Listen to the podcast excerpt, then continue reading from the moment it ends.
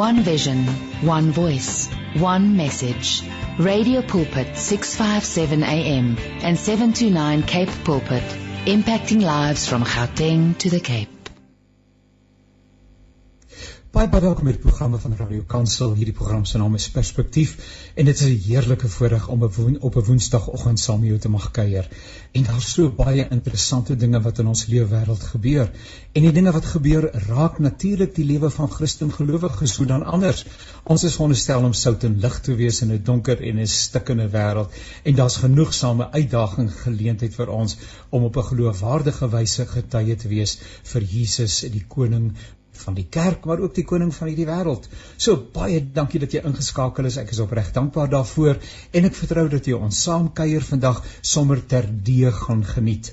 Nou ehm um, natuurlik uh, is dit so dat uh, ons uh, gesels oor dinge wat soms die emosie kan gaande maak en daarom belangrik dat jy sal weet die hele bedoeling met ons saam kuier is ter wille van inligting want hoe kan 'n mens verantwoordelike en verantwoordbare besluite maak as jy nie inligting het eh, waar tussen jy jou opsies kan opweeg en dan self tot 'n bepaalde gesigspunt kan kom nie. En daarom Radio Kansel staan nie noodwendig in vir die gesigspunte of die uitsprake wat in hierdie program gemaak word nie, maar weer 'n keer, dit is ter wille daarvan dat ons lekker kan saamgesels en ons is mos oopkop oor die lewe, hoe dan nou? Ons is mos nie mense wat met sulke klappe deur die lewe gaan nie. Christene is mense wat oop is vir verskillende perspektiewe en dit dan redelikheidshalwe uh, behoorlik uh, dissekteer en ook uiteindelik gaan interpreteer vir hulle eie lewens. Ai, dis 'n baie groot voorreg om weer eens te mag kuier met 'n uh, professor uh, Susan Booysen en 'n uh, professor Susan Booysen is natuurlik 'n politieke ontleder en sy is ook die skrywer. Haar jongste boek is of is skrywer, maar haar jongste boek is Precarious Power: Compliance and Discontent under Ramaphosa's ANC. Professor, baie welkom. Is lekker om saam met u te kuier. Goeiemôre Jannie, baie dankie.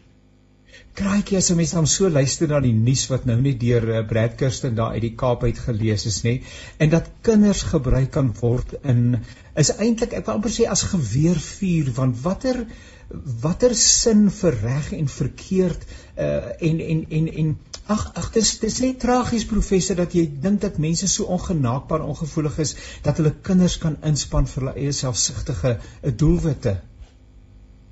Ja, inderdaad, dit is onge ongelooflik.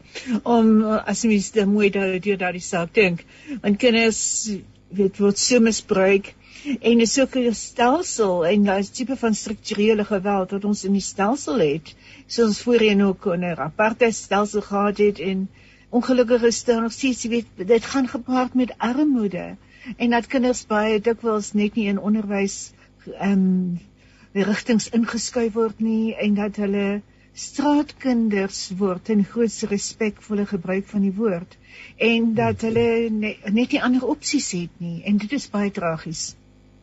Ja. Professor, ons gesels vandag so 'n bietjie oor die komende plaaslike verkiesing op die 1 November. En die datum kom nou onrusbarend vinnig nader. En vir 'n lang tyd het daar gestoei, gaan dit voort of gaan dit nie voort nie? Nou weet ons dit gaan voort en dit is 'n heerlike verskeidenheid van plakate wat opgesit word waarin politieke partye probeer om die guns van kiesers te wen. Kan ons 'n bietjie eers gesels oor u algemene indrukke oor uh, dit waarheen ons op pad is en ook die belang miskien van plaaslike verkiesings. En Janie, dit is dit is so belangrik. Dit behoort so belangrik te wees. Maar daar is soveel aanduidinge dat ons werklik in sirkels om en om gaan en dat ons nie duidelik weet, nie verseker weet of die feit dat ons gaan stem ons kan stem en gaan baie gaan stem in hierdie verkiesings werklik enige verskil gaan maak nie of 'n groot noemenswaardige verskil gaan maak nie. Ons weet politieke partye ding nie en almal daar jy gaan sekerlik nog daaroor praat met so baie beloftes oor soveel baie sake en ons weet dat daar 'n groot sinisme met groot rede baie groot sinisme is onder kiesers wat ja. net sê en ek weet dit van verkiesingsnavorsing wat ek 10 jaar gelede gedoen het wat mense al sê ja. almal kom met hierdie belofte emmers vol beloftes maar die rioolwater loop nog steeds in die straat af as dit nie in die, in die saggate bly staan nie en so daar is soveel daar is min verskeidenheid in die tipe van beloftes wat politieke partye maak. Die groot verrassing hier natuurlik is dat regerende partye watter hulle ook al is en watter ook al uh, munisipaliteit en daar's 'n paar wat wel in regering is of in koalisieregerings is en dat dit baie moeilik is natuurlik vir hulle om geloofbare en geloofwaardige beloftes te maak want wat beloof mense as mens omtrent 28 jaar lank in mag is en elke verkiesing gaan jy terug en jy se beloof weer dieselfde en jy gaan beter doen volgende keer? En hoekom gaan kiesers jou moet glo en ja. dit is dit is die van die groot tragedies van hierdie verkiesing. En dit is dan ook as ons weet soos byvoorbeeld uit opnames baie opnames uit jou generaal se verslae jaar na jaar ons sien dat daar die munisipaliteite werklik nie verbeter nie. En, en nie op die korrupsie vlak nie nie op die regeringsvlak nie. En dat is dit dat mens baie keer wonder en 'n wrang smaak in word in die mond agtergelaat van wat hoe seker kan 'n mens wees dat hierdie keer dit dat jy vir 'n beter saak gaan stem, daar meer redes vir jou om te glo. So in hierdie proses doen politieke partye werklik baie groot skade aan in veel partye demokrasie en aan die status van politieke partye. Ek het net gister weer 'n artikel of 'n berig net raak gelees. Dit was gister ehm um, dat dat uh, korrupsie in Suid-Afrika absoluut endemies is. Dat eintlik ons totale samelewing veral dan in terme van die politieke omgewing uh deurspek is met korrupsie. As 'n mens dan luister en dink aan mense uh wat uh, geweldige uitdagings rondom dienslewering byvoorbeeld in die gesig staar en so aan, dan kan 'n mens nie verstaan dat mense tog uh met 'n paar beloftes en dan is die heersende politieke party is eintlik voorbeeldig wat dit betref om jammer te sê. maar maar ja, dit, dit, dit, dit help eintlik nie veel nie want daar kom daarvan absoluut dadels en ek verbaas my uh, dat ook meneer Mabusa die adjunkpresident nou weer en ons eie president en ander uh hoogwaardigheidsbekleers dan sê ons is verskriklik jammer maar uh en tog kiesers um, lyk vir my word uh, uh, ons dit lyk vir my die samelewing in Suid-Afrika is baie vergewensgesind.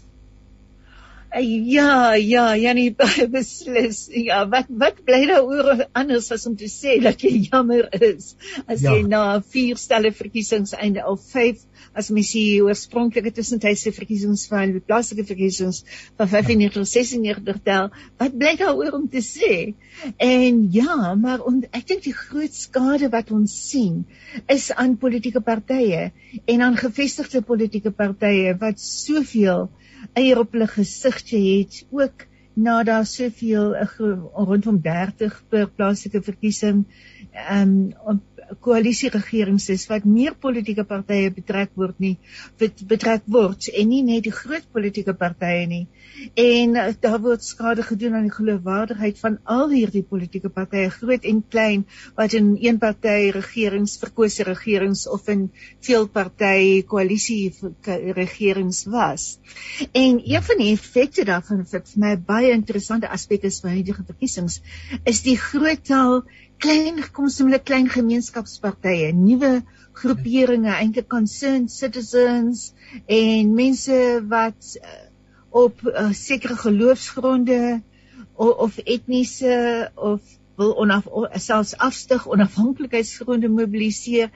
'n groot verskeidenheid van klein tipe van gemeenskapspolitiese partye wat in 'n wat waarskynlik kan kan staan om 'n wijk hier of daar te wen en wat wat werklik dit is 'n uh, klag teen die groot politieke partye dat daar soveel van hierdie kleiner gemeenskapsgroepe is wat sê die politieke partye en hulle beloftes gaan ons nêrens bring nie. Kom ons probeer self in die rade kom. En dit gaan vir my baie interessante eienskap wees om dop te hou van hierdie verkiesings. 320 het ek nou nog gelees uh politieke partye uh, sonder nou die mm -hmm. onafhanklike kandidaate sê dit daarom dat Suid-Afrika in Suid-Afrika democracy is alive and well of moet 'n mens dit nie so interpreteer nie en terloops as 'n ja. mens nou as politieke party wil registreer kos dit geld hoeveel geld kos dit hoeveel geld moet jy hê om uiteindelik daarom die status van 'n erkende politieke party ja. te hê ja Ja, die, ja, dit kos geld om 'n politieke party te word te registreer as politieke party, maar die registrasie self is nie werklik so groot nie. Ek nie daai presiese bedrag byderhand nie. Maar die registrasie self is taamlik is baie bekostigbaar. Wat beteken basies as jy 'n klompie handtekeninge het, daar in gee van 200 of so iets en jy het 'n posbus in Rodepoort of Bellville, dan kan ja. jy ja. dan kan jy omtrent 'n politieke party word dit is bietjie duurder om om aan 'n verkiesing deel te neem. Plaaslike verkiesings is nie te duur nie, maar as jy provinsiaal en nasionaal begin gaan, dan is daar baie politieke partye wat groot posisies betaal en 'n paar miljoen kom dit partykeer op neer en wat daardie deposito's versaak as hulle nie hulle bou hulle deposito's as hulle wel 'n setel wen of 'n of 'n wijk wen dan behou hulle dit. So deelname self is taamlik oop en op plaaslike vlak is daai verkiesingsdeposito's nie so groot nie en is is dit taamlik bekostigbaar. En so dit dit moedig politieke partye aan of nuwe groeperinge aan om te registreer as politieke partye en dan wel deel te neem. En jy's absoluut ja. reg. Dit beteken wel dat so baie van hierdie groeperinge al glo hulle nie meer in die groot politieke partye nie. Glo hulle wel dat deelname aan demokrasie en om verteenwoordig te word in daardie rade het wel 'n baie groot moontlikheid. Hou wel belofte in dat hulle wel iets aan hulle eie sake kan doen.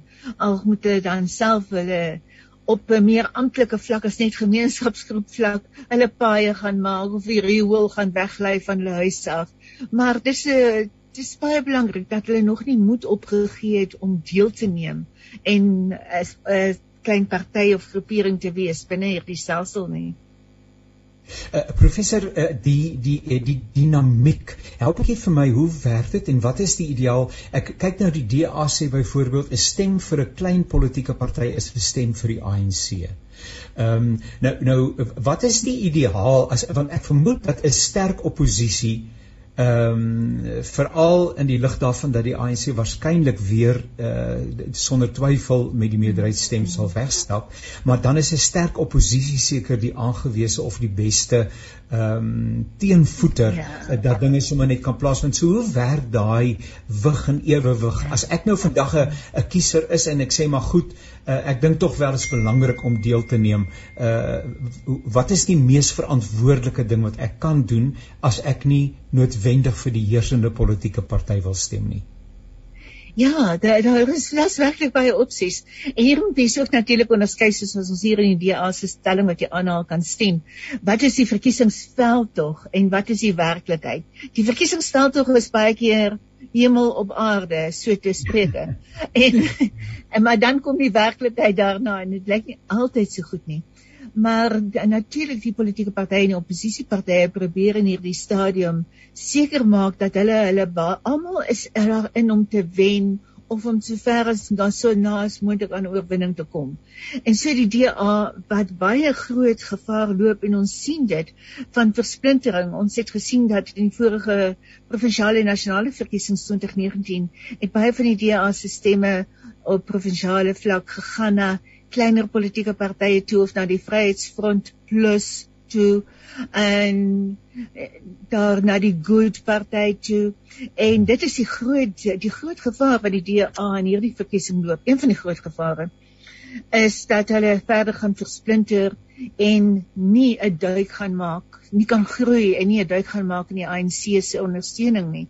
So hulle probeer seker maak in die eerste plek dat daardie stemme nie wegdryf van hulle en dat potensiële stemme wat hulle van klein groeperinge binne 'n gemeenskap sou kon kry potensieel dat dit eerder na hulle toe kom en nie dat die klein politieke partye toe nie. Maar die waarheid is ons het natuurlik ook en op die plaaslike vlak die verkiesingsstelsel van 'n kombinasie van wijkstelsel en proporsioneel. En proporsioneel elke stem tel. En ons sien dat baie van die klein politieke partye wat nie genoeg stemme bymekaar maak om 'n meerderheid in 'n wijk te wen nie.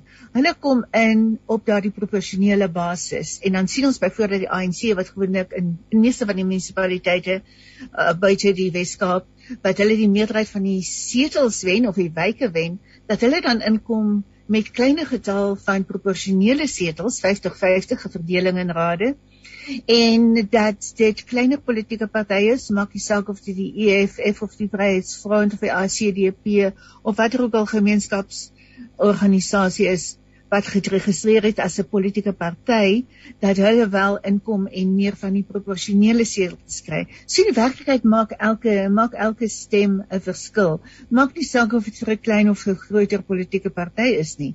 En dan sê natuurlik ook die moontlikheid dat waar die ANC wat nog steeds dominant bly en waarskynlik die groot meerderheid van eh, rade gaan wen.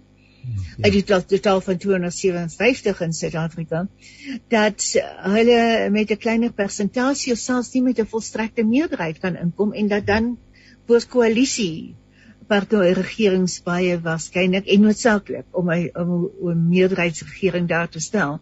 En in, in verlede het ons gesien dit is baie keer baie onstabiel, maar dit is hierdie klein of selfs een party een een raadslid politieke partye of gemeenskapsgroeperinge of selfs 'n onafhanklike hier en daar wat inkom en buiten buitengewone uitermate gesels steun kry of onderhandelingsmag kry op die basis van klein steun en dat hulle 'n belangrike rol kan speel in 'n koalisieregering. Dis nie altyd wenslik nie en baie keer onstabiel, maar die werklikheid is dat daar die klein groeperinge en onafhanklikes kan tel in 'n plaaslike verkiesing. So daar's geen stem wat wat onnodig is of weggegooi word of noodwendig vir 'n vir 'n groot politieke party gaan as mense klein partye of individue stem nie.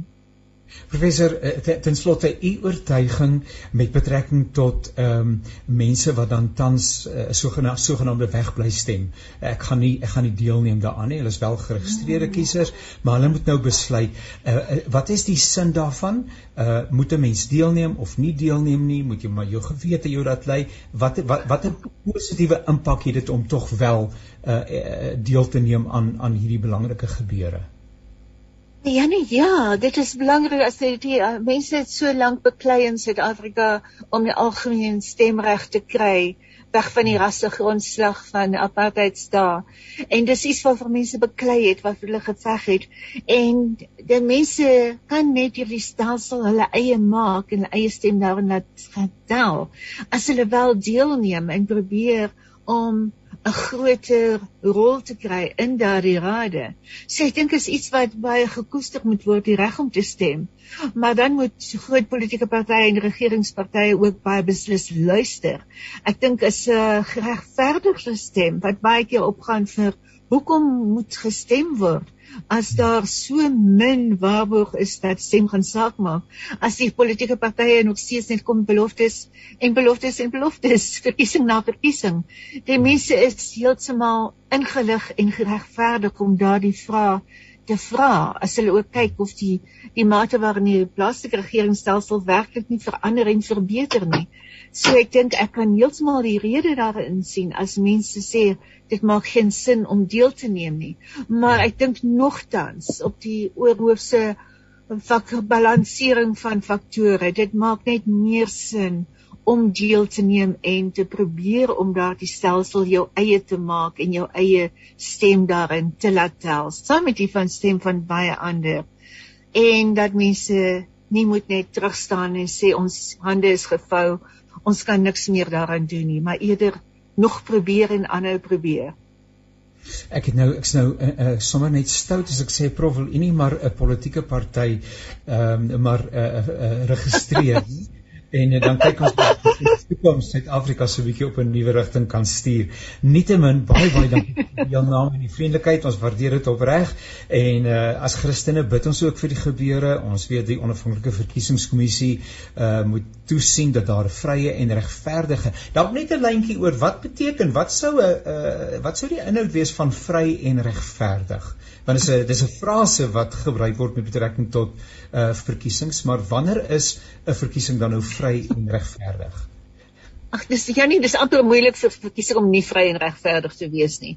Solank daar die basiese reg daar is, word geïnterpreteer daai basiese reg nie net van politieke partye en deelnemers nie, maar om deel te neem en hulle saak te kan stel nie, maar ook dan vir elke individu om te voel hulle is veilig en om hulle stem te gaan uitbring en dat daar nie 'n verneukery gaan wees in die tellery van die stemme nie. Dit wil sê ja. dat die verkiesingskommissie hulle werk gaan doen en dat elke stem getel gaan word. Dis 'n basiese, baie basiese en 'n baie maklik verkrygbare vlak van bedryf van verkiesings. Net daar die op kom neer op daai vlak van deelname.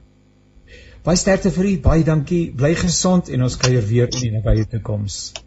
Dankie Janie. So gesels professor Susan Boysen en sy is natuurlik 'n politieke analis en om daar te gesels. Uh, ons het nou vir professor uh, Boy, ag ekskuus tog was nou net Boysen geweest. Dis nou professor Dirk Kotse en is so lekker om met hom saam te kuier. Baie dankie prof, gaan dit goed met u vandag? Goeiemôre, nee baie goed, baie dankie. Baie baie dankie. En so net in aansluiting by 'n uh, professor Susan Boysen, sommer net die algemene gevoel oor hoe dinge vorder rondom die komende plaaslike verkiesings. Wel ek dink wat ons sien is 'n baie meer intense verkiesingsveld tog. Uh politieke partye het nou regtig begin om hulle self aan die publiek voor te stel. Ons sien dit in die vorms van uh van die plakate wat op die lamppale is uh en dat daar 'n redelik intense kompetisie is. Uh ek dink die wat ons nog nie sien nie is die individuele kandidaate. Uh dis hoofsaaklik nog net die partye se gesigte wat ons sien, die nasionale leiers. Maar ja. ek uh, dink wat wat nou die volgende stap sal moet wees is dat ons begin om die die kandidaate te sien. Um een aspek wat op die oomblik nog afwesig is is die die teenwoordigheid van die onafhanklike kandidaate want daar is omtrent 'n bietjie meer oor as oor, oor 1000 van hulle. Ja wat van hulle in KwaZulu-Natal. Um 350 van hulle so 'n groot persentasie is daar. Ehm um, en ek dink dit gaan uiteindelik eh, 'n uh, belangrike rol speel in sommige van die munisipaliteite ook. Professor, ons gesels bietjie oor uh, die ander saak wat baie relevant is tans en en debatteer en oor gesels word en dit is die uh, verkiesing of die aanwysing van die nuwe hoofregter. Uh, het ek dit nou reg as ek die my terme reg nê? Nee. Ehm um, uh, ja. Uh, en en dit is nou nadat ehm um, uh, uh hoofregter Mogeng Mogeng nou uittreë een van die dae en daar 'n nuwe hoofregter uh in die verband uh aangestel moet word. Nou dit was 'n ongewone skuif van meneer Ramaphosa wat uh, die reg het om lyk vir my so 'n persoon aan te wys help vir my met die tegniese gelukkig is u die kenner nie ek nie uh dat hy wel die publiek uitgenooi het. Ehm um, wat sou die motivering uh, daar agter wees uh, dat die uh, dat hy die publiek uitnooi om inspraak te lewer in in wie so 'n persoon mag wees? Wel, dis nou die derde persoon of die derde posisie waar hy die aanstelling moet maak wat hy die benadering volg. Die eerste een was die die nasionale kommissaris van die inkomste diens van SARS. Ek wat kieswetter is dit eintlik aangestel daar. Ehm um, en dit was 'n komitee onder voorsitterskap van uh Trevor Manuel. Uh die tweede een was die die aanstelling van die nasionale direkteur van die vervolgingsgesag vir Patoy wat uiteindelik aangestel is wat deur 'n soortgelyke proses gegaan het en dis nou die derde geval. En ek ek dink dit is deel van die stel van president Ramaphosa om te sê ek wil nie gesien word as iemand wat mag in myself konsentreer nie. Ek het die konstitusionele mag, maar ek is bereid om om te konsulteer. Ek is bereid om uh insette van van die publiek en van verskillende ander instansies te kry sodat uiteindelik die besluit wat geneem word 'n uh, geloofwaardige besluit is dat dit 'n uh, en die so 'n proses skep natuurlik meer legitimiteit ook aan die uiteindelike aanstelling. En ek dink dis dis wat hy in gedagte het. Hy kom uit 'n situasie waar hy vroeër jare in die in die vakbondbeweging was en mens kan sê wat jy wil van vakbondbewegings, maar als inherent die prosesse wat hulle volg is gewoonlik daarop ingestel om so demokraties moontlik te wees. En ek dink daar dis die leerskool waardeur hy gegaan het. Nou professor kan u vir ons ietsie verduidelik uh, en vertel van die opset uh, waarvan hierdie persoon dan die die hoof is of die hoofregter is.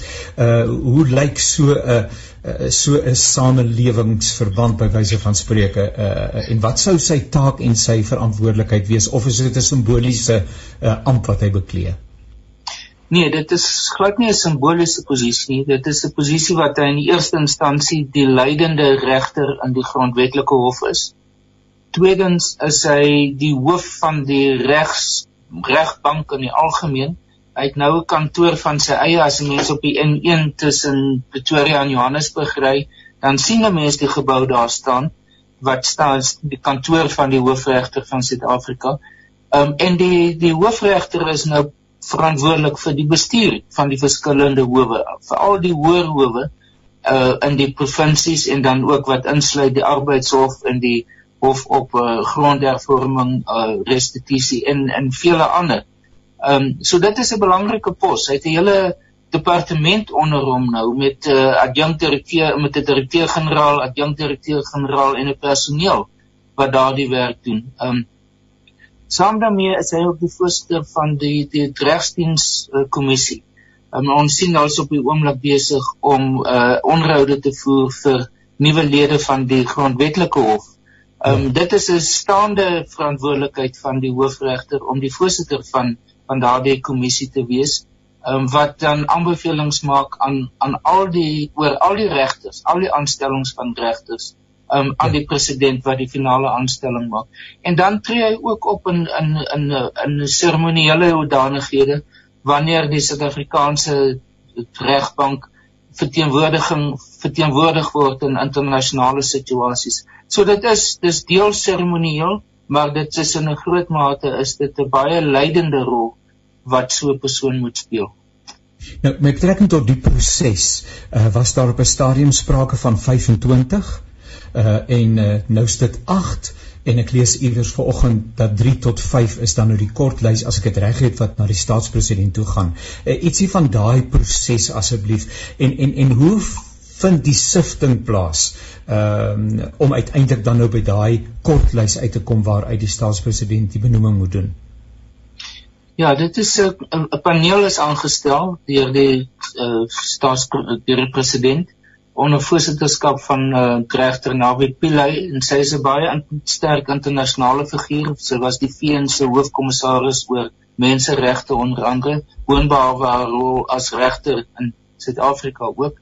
En dan sluit dit ander in uh, bekende persone soos Tudu Madonsela byvoorbeeld in wat die vorige openbare beskermer was.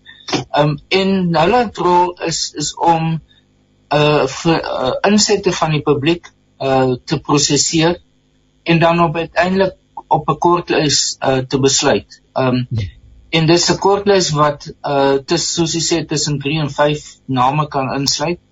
Um en dit gaan dan oorgegee word ook aan die regsdienskommissie wat dan onderhoude met die die lede op die kortlys gaan voer en hulle gaan dan 'n finale aanbeveling maak aan die staatspresident. Nou nou ehm um, ek sou tog vermoed en dit is nou waar tans emosies gaande is dat ehm um, uh integriteit en dit is altyd seker moeilik om dit te definieer 'n belangrike meetsnoer is uh, vir 'n persoon om in daardie spesifieke amp aangestel te word. En nou is daar ernstige vraagtekens oor twee van die persone die openbare beskermer en dan ook uh, daardie uh, regter um, uh, Sloppe uh, oor wie se koppe daar wolke hang van van ongeruimdheid en en van ondersoeke ensovoorts ensovoorts. Ehm um, hoe hoe hoe rein dit dan nou met die amp uh, en die profiel van 'n hoofregter en dat ons dan nou hierdie mense op daardie 8 lys het. Maar ek dink dit is 'n produk van die proses en dit is dat die proses was oop. Daar was nie werklik veel beperkings daarop nie. Die die voorwaardes is hoofsaaklik prosedurele voorwaardes. Dit het nie soseer met die persone se uh, integriteit of hulle persoonlikheid te maak nie. Dit het eerder te maak wel een van die belangrike punte is is dat hulle moet deur 'n regsassosiasie moet hulle ondersteun word. Ehm um, maar ek dink die die die belangrike punt is nie soseer om te konsentreer op die persone wat waarskynlik nie op die kortlys gaan wees nie, maar eerder op die persone wat sterk aanspraak maak as op die kortlys is. En uh ek dink daar's 4 wat wat uitstaan. Ehm um, en hulle is almal dienende dit regters. Die eerste een is uh, regter Zondo wat baie mense ken, wat die wat die voorsitter van die Zondo kommissie is, die waarnemende hoofregter op die oomblik maar in sy eie reg ook die adjunk hoofregter. Uh, ja. Dan uh, die president van die van die Appelhof, uh, uh, regter Mandisa Maya, uh, wat 'n baie sterk uh, kandidaat is. Uh, een van die punte wat waarna baie mense verwys is dat dit is waarskynlik 'n goeie tyd om nou 'n vroue hoofregter te hê. Dit het nog nie van tevore dit geval gewees nie. Hmm. Uh, so sy is 'n baie sterk kandidaat. Die regter-president van Gauteng, regter Dunstan Mklambo, is nou meer as omtrent 9 jaar die regter-president van Gauteng. Hy was baie suksesvol tot dusver daarmee gewees. So hy's 'n baie sterk kandidaat. En dan een van die sittende regters van die grondwetlike hof regter Matlanga ehm um, wat eintlik die tweede is mees senior regter op die oomblik uh op die regbank is in die konstitusionele hof ehm um, hy staan sou spreek en dan ook 'n sterk kandidaat. So dink dis uiteindelik waar die fokus op gaan wees en nie soseer die ander kandidaate wat um, om verskillende redes genomineer is en goed is dat dit dat dit wys dat die nominasieproses oop was en dat mense vanuit verskillende perspektiewe uiteindelik die nominasies gemaak het. Dankie dat ek vermoed ehm um, uh, iemand soos ehm um, uh, adjunk hoofregter Zondo soos hy sê dat hy die voordele dat sy naam baie bekend is uh by Jan en Alleman ehm um, met sy verantwoordelikhede by die Zondo kommissie en die afhandeling van daardie uh verslae en dis meer waarvoor daar altyd weer 'n verdere uitstel gevra word en ek kan heeltemal begrip hê vir die omslagtigheid van daardie proses uh sou hy uh, sou hy byvoorbeeld hierdie take gelyktydig kon hanteer Ja, ek dink nie dit diskwalifiseer hom nie want uh, die die die termyn van 'n hoofregter is 12 jaar. So as dit 'n paar maande uit die 12 jaar vat, dan is dit nie noodwendig dat dit 'n persoon totaal en al diskrediteer nie of diskwalifiseer. Um ek dink en soos ons nou gesien het die afgelope 6 maande was die dienende hoofregter was hy op verlof gewees. Um so dit is definitief moontlik dat iemand uh, as waarnemende hoofregter kan dien terwyl 'n regter op, op betrokke is by ander aangeleenthede. So dit is in beginsel is dit geen diskwalifikasie vir hom. Um ek dink die wat wel die fokus op gaan wees is eerder dus wat is die die die leierskapsrol wat hulle speel want dis 'n baie prominente aspek. Wat is dit dan ook hulle bestuurs kundigheid um, want dit is ook 'n belangrike aspek. En dan natuurlik moet hulle 'n leidende regter wees. Hulle moet in hulle eie reg moet hulle nog steeds deel van die uitsprake van die hof wees. In sommige gevalle skryf die hoofregter sommige van die uitsprake waar waarmee die ander regters dan saamstem of verskil. Ehm um, so dit moet 'n persoon wees wat in sy sy of haar eie hoedanigheid 'n leidende regsfiguur is in die eerste instansie. Want ek dink dit is wat wat gevra word van hierdie posisie is 'n persoon wie dit gaan terug na die punt van integriteit maar dit is ook op die punt van dat dit is 'n persoon wat een van die topfigure in die in die regspraak in Suid-Afrika op hierdie stadium is. Um en daarom is dit belangrik dat dat dit die hooffokuspunte gaan wees waarop gekonsentreer gaan word. Ja, professor Terkotse, dalk 'n laaste opmerking oor die geloofwaardigheid van die regstelsel in Suid-Afrika. Uh die gesondheid daarvan, daar is uh dikwels word daar gepraat oor die geloofwaardigheid of al dan nie van ons regstelsel.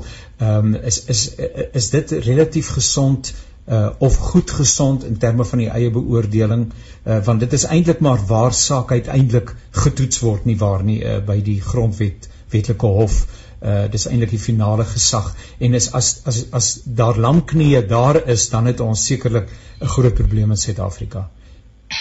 Ja, nee, dit is inderdaad so. Ehm um, ek het uh, die afgelope tyd na voormalige regters geluister. Ehm um, regter Kriegler is baie dikwels in die in die nuus of in die media. Uh twee ander regters het onlangs 'n stuk op News24 geskryf wat ek dink baie insiggewend is dis regter Edwin Cameron en regter Johan Vroneman en hulle het almal skryf oor of praat oor dieselfde aspek en dis die punt waarna jy nou verwys. Ja. Ehm um, en uh, uit hulle in hulle terme is die regspraak in Suid-Afrika en die regbank uh en veral die die hoër howe soos die appelhof en die konstitusionele hof is is onder baie druk as gevolg van kontroversiële sake en baie van die sake is het 'n het 'n baie spesifieke politieke koneksie of 'n politieke konnotasie.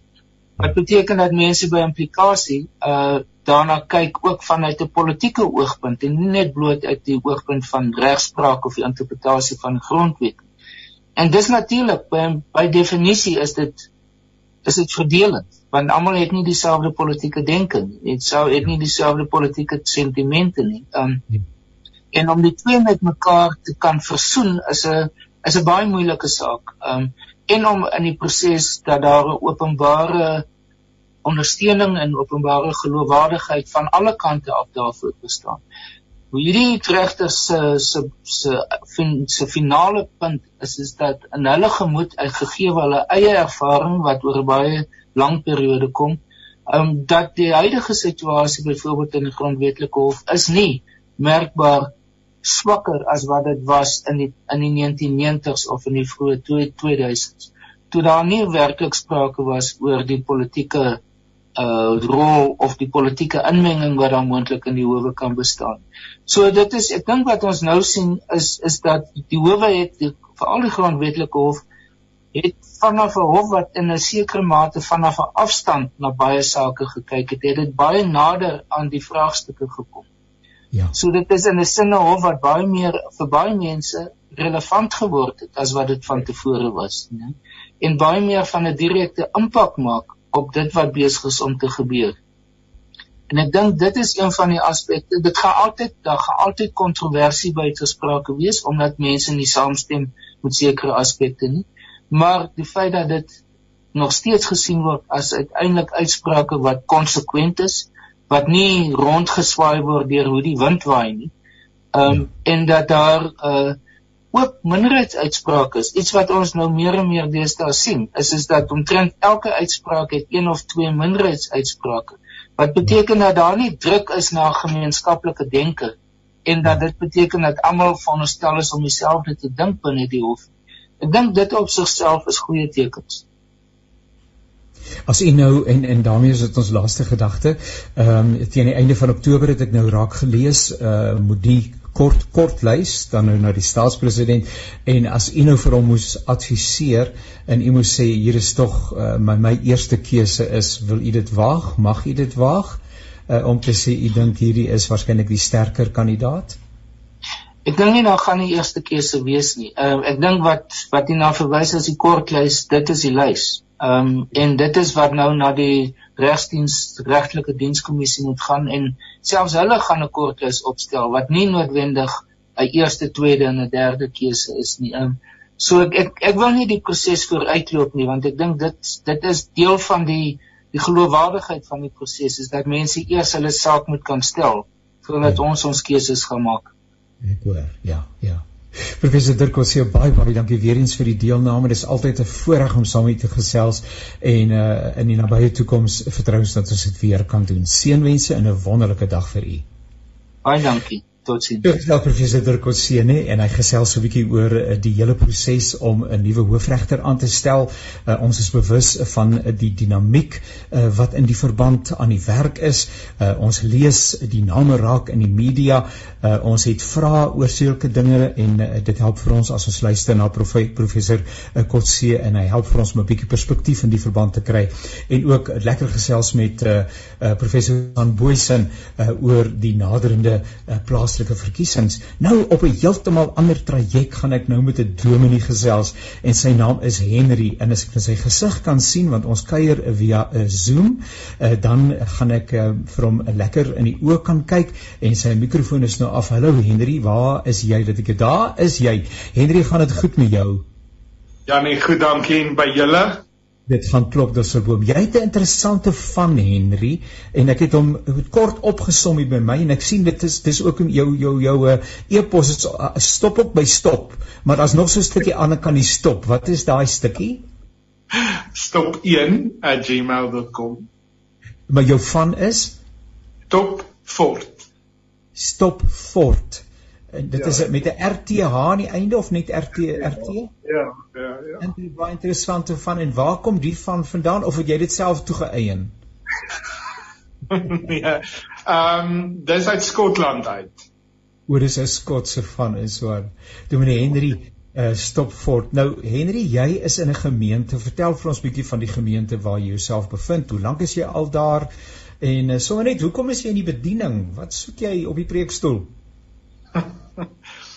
Ek is uh voltyds leraar by ehm um, die NG gemeente Sekunda. Ons praat van die Ronnekerk. Ehm um, ons het ook 'n kampus in die buurdorp Trigard. So dis wonderlik om twee gemeenskappe wat eintlik maar teenoor mekaar lê te bedien. Ehm um, die vraag wat soek jy op die preekstoel is 'n interessante vraag. Ek is hou baie van van die verhoog ehm um, ten opsigte uh, van die verkondiging van die evangelie en die toerusting van van ander gelowiges. Ehm um, maar ek dis 'n baie klein deeltjie van my bediening. Ek is eintlik maar heeldag tussen mense, alle spektrums en alle klasse en fases en vlakke van mense. So ehm um, ja, ek is ek is in die bediening omdat ek baie lief is vir God en baie lief is vir mense en mense se stories. Ehm um, so ja, ek ek gebruik die groot deel van my bediening om saam met mense te kuier en te eet en te lag en te huil en te gesels. Maar ehm um, 'n Sondagoggend erediens is ook vir my baie lekker. Ja, ek het baie jare gelede die voorreg gehad om by 'n paar geleenthede dan Trigard gemeente te kon optree om daar te kon bedien in die jare toe Dominee Japie Malan nog daar was. Nou hy het 'n bediening, 'n sending, 'n bediening daar in die omgewing. Ek weet nie of hy ek het lanklaas met Japie gesels. Ek moet bietjie weer met hom connect. Maar as jy hom raakloop daar sê tog vriendelike groete van sy uh, klasmaat. Maar dis nou nie waar ek gesels nie. Henry, jy uh, is ook 'n kunsinnige ou wat 'n aanvoeling het vir die kunste en veral dan nou in terme van drama. Vertel vir ons waar kom dit nou vandaan?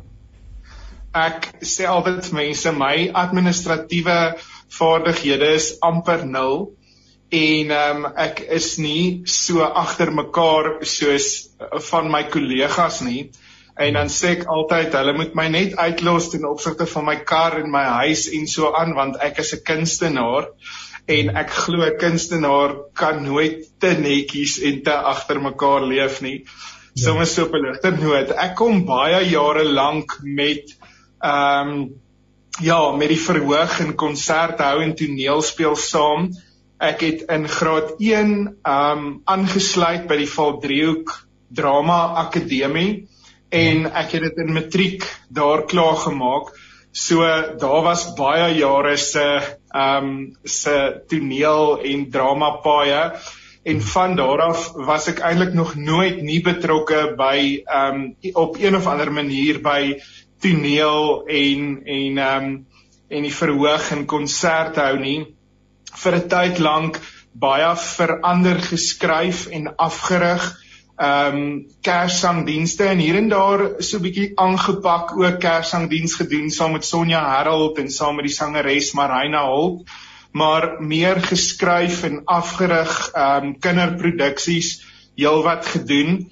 Ehm um, en nog altyd altyd ek ek hou van 'n een, man vertoning en nog altyd um, baie lus gewees daarvoor maar ehm um, ja vir baie jare ek weet nie of ek moet sê nie kans gesien om dit aan te pak nie maar ek het 'n baie groot liefde vir vir vir die verhoog en en vir toneel en en vir die teater. So dit is my lekker om dit was vir baie lank vir my baie lekker om mense af te rig en te skryf en so so betrokke te wees. Ja, ja. Uh, my ma het altyd gesê en natuurlik sy's nou al lank al bedeure en ek is nou self 'n emeritus leraar, maar ek onthou dat sy gesê het uh, omdat ek so 'n bietjie van 'n rammetjie uitnek was, uh, as 'n mens in die straat stap moet jy kan sê daar loop die dominee. Hè? En hy moet kenbaar wees. Nou nou nou hier het jy nou 'n dominee wat op die preekstoel staan en ewe gemaklik is op die verhoog uh en en is daar mense wat sê nee maar dit dit dit is nou nie ek moet dan my dominee kan nou nie die twee rolle vertolk nie of het hulle jou nou al gemaklik aanvaar vir die twee rolle wat jy kan vertolk? Nee ek moet sê hulle dit van die begin af uh, baie baie ondersteunend geweest ehm um, as daar ek het baie uit die aard van die saak vir die spesifieke gemeente wel ek het probeer om een keer 'n jaar ehm um, iets op die planke te kry. ehm um, en so meer so hulle was baie ondersteunend en en ehm um, ja so ek ek het nog nooit ervaar dat dat die twee ehm um, vir hulle vreemd is of dat dat hulle ehm um, ja dit vreemd vind dat ek ook aan daai kant betrokke is nie. Ehm um, dit is ook 'n ook 'n wonderlike bedieningsgeleentheid ehm um, en en en ek het dit altyd so so spesifiek aangepak en ehm um, as ek gesê het ek gaan konsert hou of ek toer met 'n stuk of so ehm um, kon ek dit regtig met 'n eerlike hart ook sê dis 'n stuk bediening want uit die aard van my passie vir God en mense ehm um, is is so kunstebediening in 'n gemeente baie lekker om ook daarmee te bedien en en ja, so die gemeente en lede is baie ondersteunend wat dit betref. Ja. Nou jy's nou uh half prakties gesproke, ehm um, is jy uh op pad met ehm um, met 'n met 'n met 'n stuk met die naam van professor dokter en dominee as ek dit nou reg het iets van daardie aard my as ek hom so lees dan lyk dit vir my dis sekere komedie of 'n klug of 'n ding. So het jy het jy aanvoeling vir 'n bepaalde noem dit maar genre uh of uh, is gaan dit oor die breë spektrum en vertel ons dan van hierdie spesifieke uh, uh stuk wat jy dan tans uh, opvoer ek soos ek nou nou gesê het, ek werk is baie betrokke by mense en ek lees baie oor mense en hulle stories.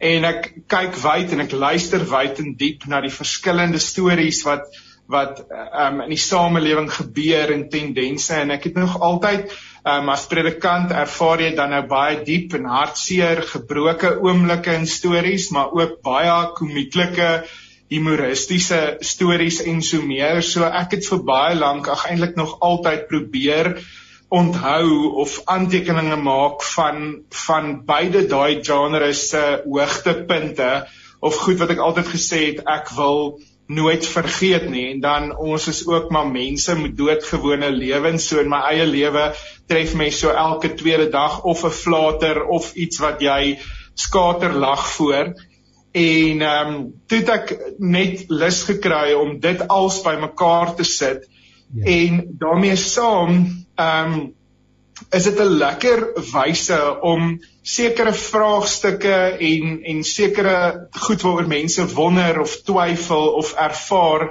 um aan te spreek so deur die verhoog. Ek het altyd sê daar's baie goed waaroor baie mense nooit praat nie, maar deel is van ons almal se huise en van ons almal se lewens. En as dit iewers opkom dan lag ons eintlik half ehm um, daarvoor.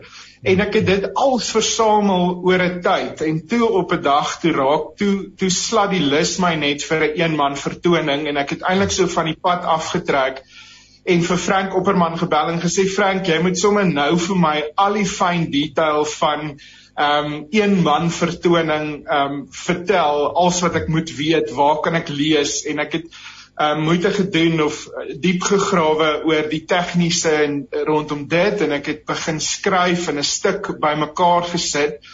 Um die een man vertoning se naam is meneer professor Dr Doomnie. So so dit is absoluut in die humoristiese genre in tye waar mense baie min lag en en um, geleentheid het om te lag. Ek gaan die meeste van dit wat ek skryf of of inspeel is maar um in die in die humor komedie genre.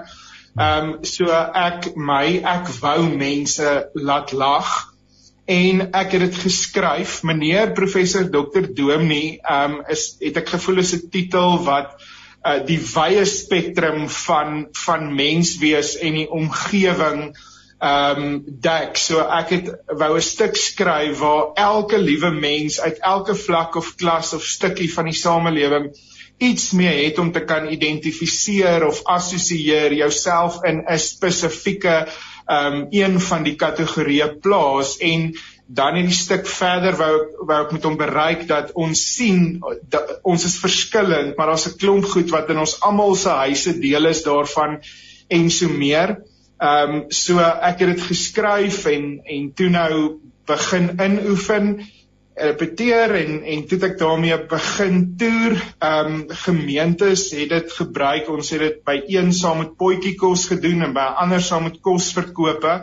Maar dit is 'n stuk wat dis nie net tot gemeente of kerk nie. 'n Skool vir 'n fondsinsameling sal baie kan baat vind. Ehm um, of enige iemand uit die uit uit uit watter sektor ook want want dit is wil ek amper sê nie kerkgerig nie. Oral gaan iemand daarby aanklank vind en um, so ek het ons ek het 'n paar maal dit opgevoer en regtig gehore sien lag dat die trane loop en ook mense sien huil omdat hulle diep assosieer of identifiseer met iets in die stuk Ehm um, dis uh, dis moeilik eintlik om oor jou eie stuk te praat. As ek oor ander toneelstukke praat ja. kan ek brag oor die oor die die toneelspelers. Maar as jy nou skielik oor jou eie wat jy geskryf en inspel het is dit nou vreemd om daaroor te praat. Maar ek het gehore sien skaterlag keer op keer moes ek moes ek aanhou of vashou voor ek kon aangaan want die mense ehm um, kraai letterlik soos wat hulle lag bloot omdat omdat ek goed aanspreek wat wat in ons almal se agterkoppe sit en wat ons almal oorkom. En ehm um, so ek het soveel as moontlik van die realiteit van die rou gewone lewe in dit probeer inwerk. Ehm um, dit gaan oor 'n spesifieke gesin ehm um, en dan nou die een spesifieke broer in in die ehm um, in die gesin of in die familie wat nou so praat oor sy lewe en sy familie en so meer. Ja, so gehoor het gekraai, geskater, lag en gehuil en en ehm um, was skoon diep ook aangeraak bewoe ook na die tyd. Ehm um, maar dit is in die komedie genre. Henry, jy 30 sekondes om vir ons 'n adres te gee waar mense kan navraag doen. Ehm um, e-posadres henry.stop1@gmail.com of ehm um, my nommer eintlik is al my inligting op die Ronnekerk in Sekunda se webblad beskikbaar. Kan ook die Ronnekerk se kerkkantoor bel of myself by 083 2291750 Ja maar weer 'n keer. Daai 083 2291750 Dominee Henry Stopford en hy is van die Ronnekerk in Sekunda en hy's 'n man met baie talente uh, behalwe die fyn aanvoeling en gawe om die woord van die Here te bring uh, vleg hy ook die evangelie uh, maar ook die normale lewe en dit wat mense uh, beleef op so 'n wyse dat hulle ook vir hulle self en vir ander lekker kan lag in 'n tyd waarin lag so nodig is. Henry baie dankie. Sterkte seënbede met dit waarmee jy besig is. Vriendelike groete aan die gemeente. Mag julle van krag tot krag gaan en baie dankie dat ons so saam kon kuier. Dit was 'n voorreg. Dankie dat ons dit kon doen. Seën vir jou ook. Ja, nee. baie dankie Dominee Henry Stopford. Ons het lekker gesels. Ons het gesels met professor Susan Boysen. Ons het gesels met uh, professor ehm uh, um, uh, Kotse en uh, dit was 'n voorreg om met almal Dirk Kotse nie waar nie uh, om met hulle almal saam te kuier. Uh, baie baie dankie aan DK wat vir ons die program tegnies versorg en moontlik maak. Baie dankie vir jou wat ingeskakel is. Mag die Here vir jou ryklik seën. Onthou by www.radiokansel.co.za kan jy die programme uh, van Radio Kansel ook hierdie perspektief perspektief en ons naweek aktualiteitsprogram Naweek Aktueel kan jy as 'n pot gooi gaan aflaai, 'n weer 'n keer luister of dit met iemand anders deel. Baie seën vir jou, alles wat mooi mooi is. Tot 'n volgende keer. Uh totsiens.